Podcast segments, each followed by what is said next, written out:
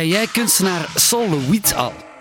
Want Solowit loopt namelijk op dit moment in het Joodse Museum een expo. Solowit is gekend als de uh, founder van uh, conceptualisme en minimalisme. En uh, dat is een Jood die in Amerika heeft geleefd. Ik heb studenten en jonge kunstenaar Charlotte van het Sint-Luca uitgenodigd Hallo. om over Solowit te praten. Een aantal studenten hebben namelijk de werken van Solowit nieuw leven ingeblazen. Nu, het interessante aan Solowit is dat hij bekend is omwille van zijn murals. Dat zijn muurschilderingen. En je kan uiteraard onmogelijk een muur afbreken en die verhuizen zomaar naar pakweg het Joods Museum. Daarom heeft zijn familie een foundation opgericht. En dat is een boek met regels. En in dat boek staat haarfijn uitgelegd hoe je een echte Solowit op de muur kunt krijgen. Volgens de regels van zijn kunst. Straffer nog? Als een IKEA-catalogus van hey, je moet dat zo beginnen en zo. En dat is het waar? Ja, een beetje zo. Het is heel uh, formeel gezegd van hoe je eraan moet beginnen en met wie en met wat. En uh, dan sturen ze experts op die, we hadden twee experts, en Andrew Colber, uh, een Amerikaan die in Finland woont, en dan Remy Verstraeten, een Belg van Gent. En daaronder hebben we dan, ze hebben studenten dan gecontacteerd om daaraan te werken als assistenten. Oh, zalig. Dus wacht, even, even terug naar het begin. Hè. Dus, zij dus dat, dat dat echt een soort van IKEA-catalogus is, die heel precies zegt hoe je te werk moet gaan. Zo, er zijn, uh, Soluit heeft, het is niet helemaal IKEA-catalogus, maar er, zijn op zijn, er, zijn, er is een boek met meer dan duizend van zijn tekeningen, die je daarna echt kunt zien met een stappenplan en de regels van hoe die tekeningen moeten gemaakt worden. Met welke kleuren en zo? Ja, met welke kleuren en welk materiaal er gemaakt moet worden mee gebruikt. natuurlijk, de materialen veranderen over tijd, want het is al sinds de jaren 80 tot ja, dus 2000. dat zijn oudere dingen eigenlijk. Ja, maar uh, altijd, je kunt er wel evolueren met de materialen. Je moet ook materialen ter plek maken. Ik heb gewerkt op een tekening, een potloodtekening met cirkels. Dus we hebben de passer ter plekke moeten maken met stukken hout en altijd gaten in moeten vijzen en allemaal. Ja, ja. En, dus dat is de tekening waar jij op gewerkt hebt. Ja. En, en, hoe gaat het dan? Je krijgt dan het plan en hoe lang duurt dat dan? Is dat dan in een weekje Uh, klaar? Of, of hoe nee, lang nee, heb je daarop... weekjes. We hebben, we hebben een hele week alleen genomen om de muren, tekening zelf erop te zetten, om zelf de muur gewoon te, af te meten. Want er was één muur die uh, in de 10 meter op de 4 meter is. Dus dan moet je, alle studenten waren gewoon voorzichtig, echt in de millimeter altijd alles aan het uh, afmeten. Ja, dat, duurde, dat was echt de nummers, ik, alles, de millimeters waren heel belangrijk. Heb je daar respect voor dat, dat het zo verloopt? Zeker, want het was heel interessant zeker om te zien hoeveel mensen daarachter zaten. Want als je die muren zelf ziet, je zou denken van ah, dat zijn gewoon rechte lijnen. Dat is gemakkelijk te omzetten. Dat is helemaal niet makkelijk. We hebben drie weken genomen om alle muren. Dat zijn vier, ja. waren vier tekeningen. Misschien een stomme vraag, maar is dat, gebeurt dat vaak bij kunstenaars? Dat er zo'n duidelijk handboek bij zit door de familie, hoe je, hoe je zijn werk moet tentoonstellen? tentoonstellen sorry? Uh, ik weet niet of het vaak gebeurt, want er zijn wel heel veel kunstenaars. Maar het is, wel, ja, ja. Het is gewoon, Soluit heeft ervoor gezorgd dat mensen na zijn dood die tekeningen konden hercreëren. Dus hij heeft wel zijn werken timeless Dat is wel gemaakt. goed, hè? Ja. Ja. Dus iedereen kan zijn werken maken op, Ja. op zijn Wat, is het zotste? Je zegt, ik heb een passer moeten maken. Wat heb je zo nog geleerd? Of ben je zo in een bepaald winkeltje, ik zeg maar ergens in Erpskwerp of zo, moeten gaan zoeken naar een bepaald soort kleur, omdat ze die enkel daar verkochten? Nee, nee, nee. nee. Het is, uh, wij, ik was gewoon een assistent. Dat zijn de, Sol uh, de Joods museumwerkers die zelf dan de materialen moesten opzoeken. Ah, oké, ja. Maar uh, de tekening waar ik aan heb moeten werken, dat was een blanco muur. En uh, daar mocht eigenlijk, omdat uh, daarna ver, gevernist ging worden, alle vingerprinten worden dan duidelijk. Dus je mocht die muur niet aanraken.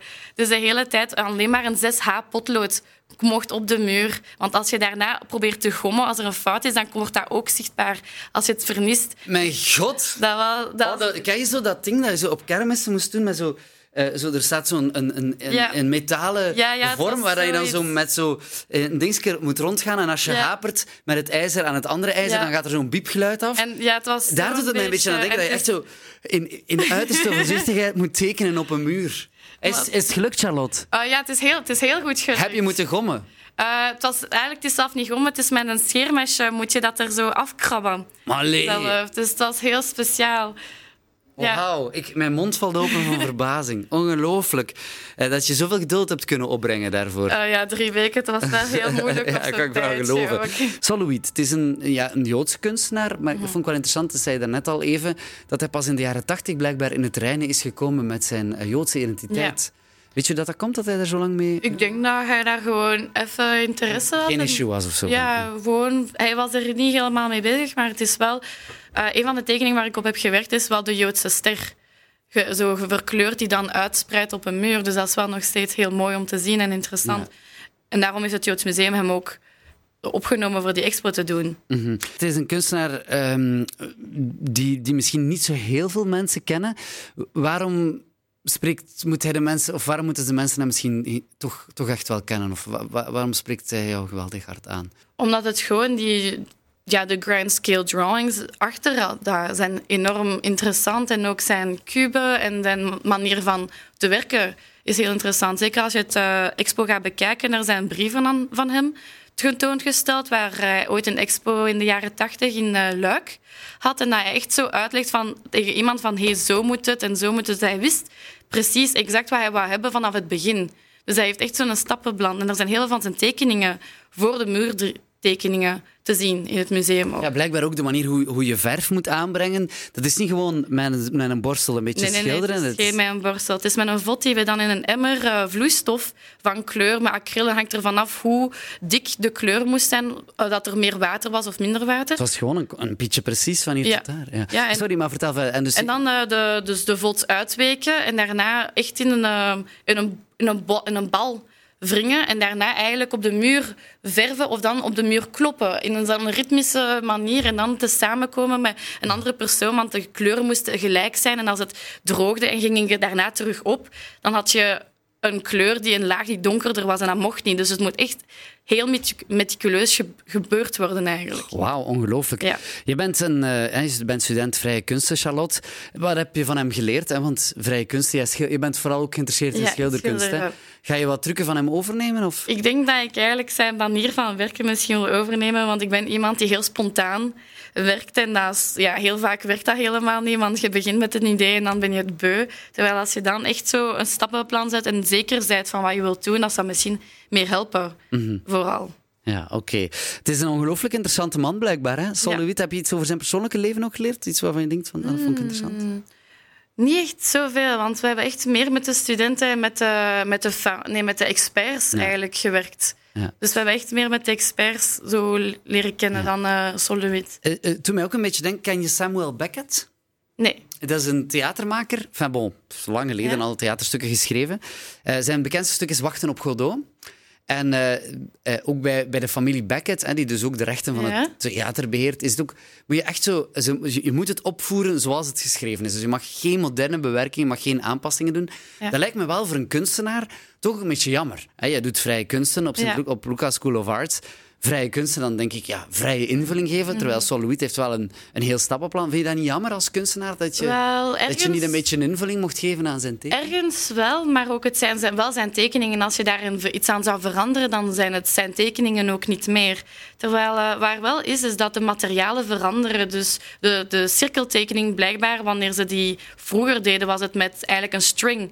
En in plaats van een passer, dus ja, dan komen de cirkels minder stevig over, want dat is geen, niet met hout getekend. Maar eh, er is één tekening, de ster, eigenlijk de Joodse ster, die is één keer gemaakt in Korea in de jaren 90. Alleen dat is de enige keer en dan deze keer in, in het Joods Museum.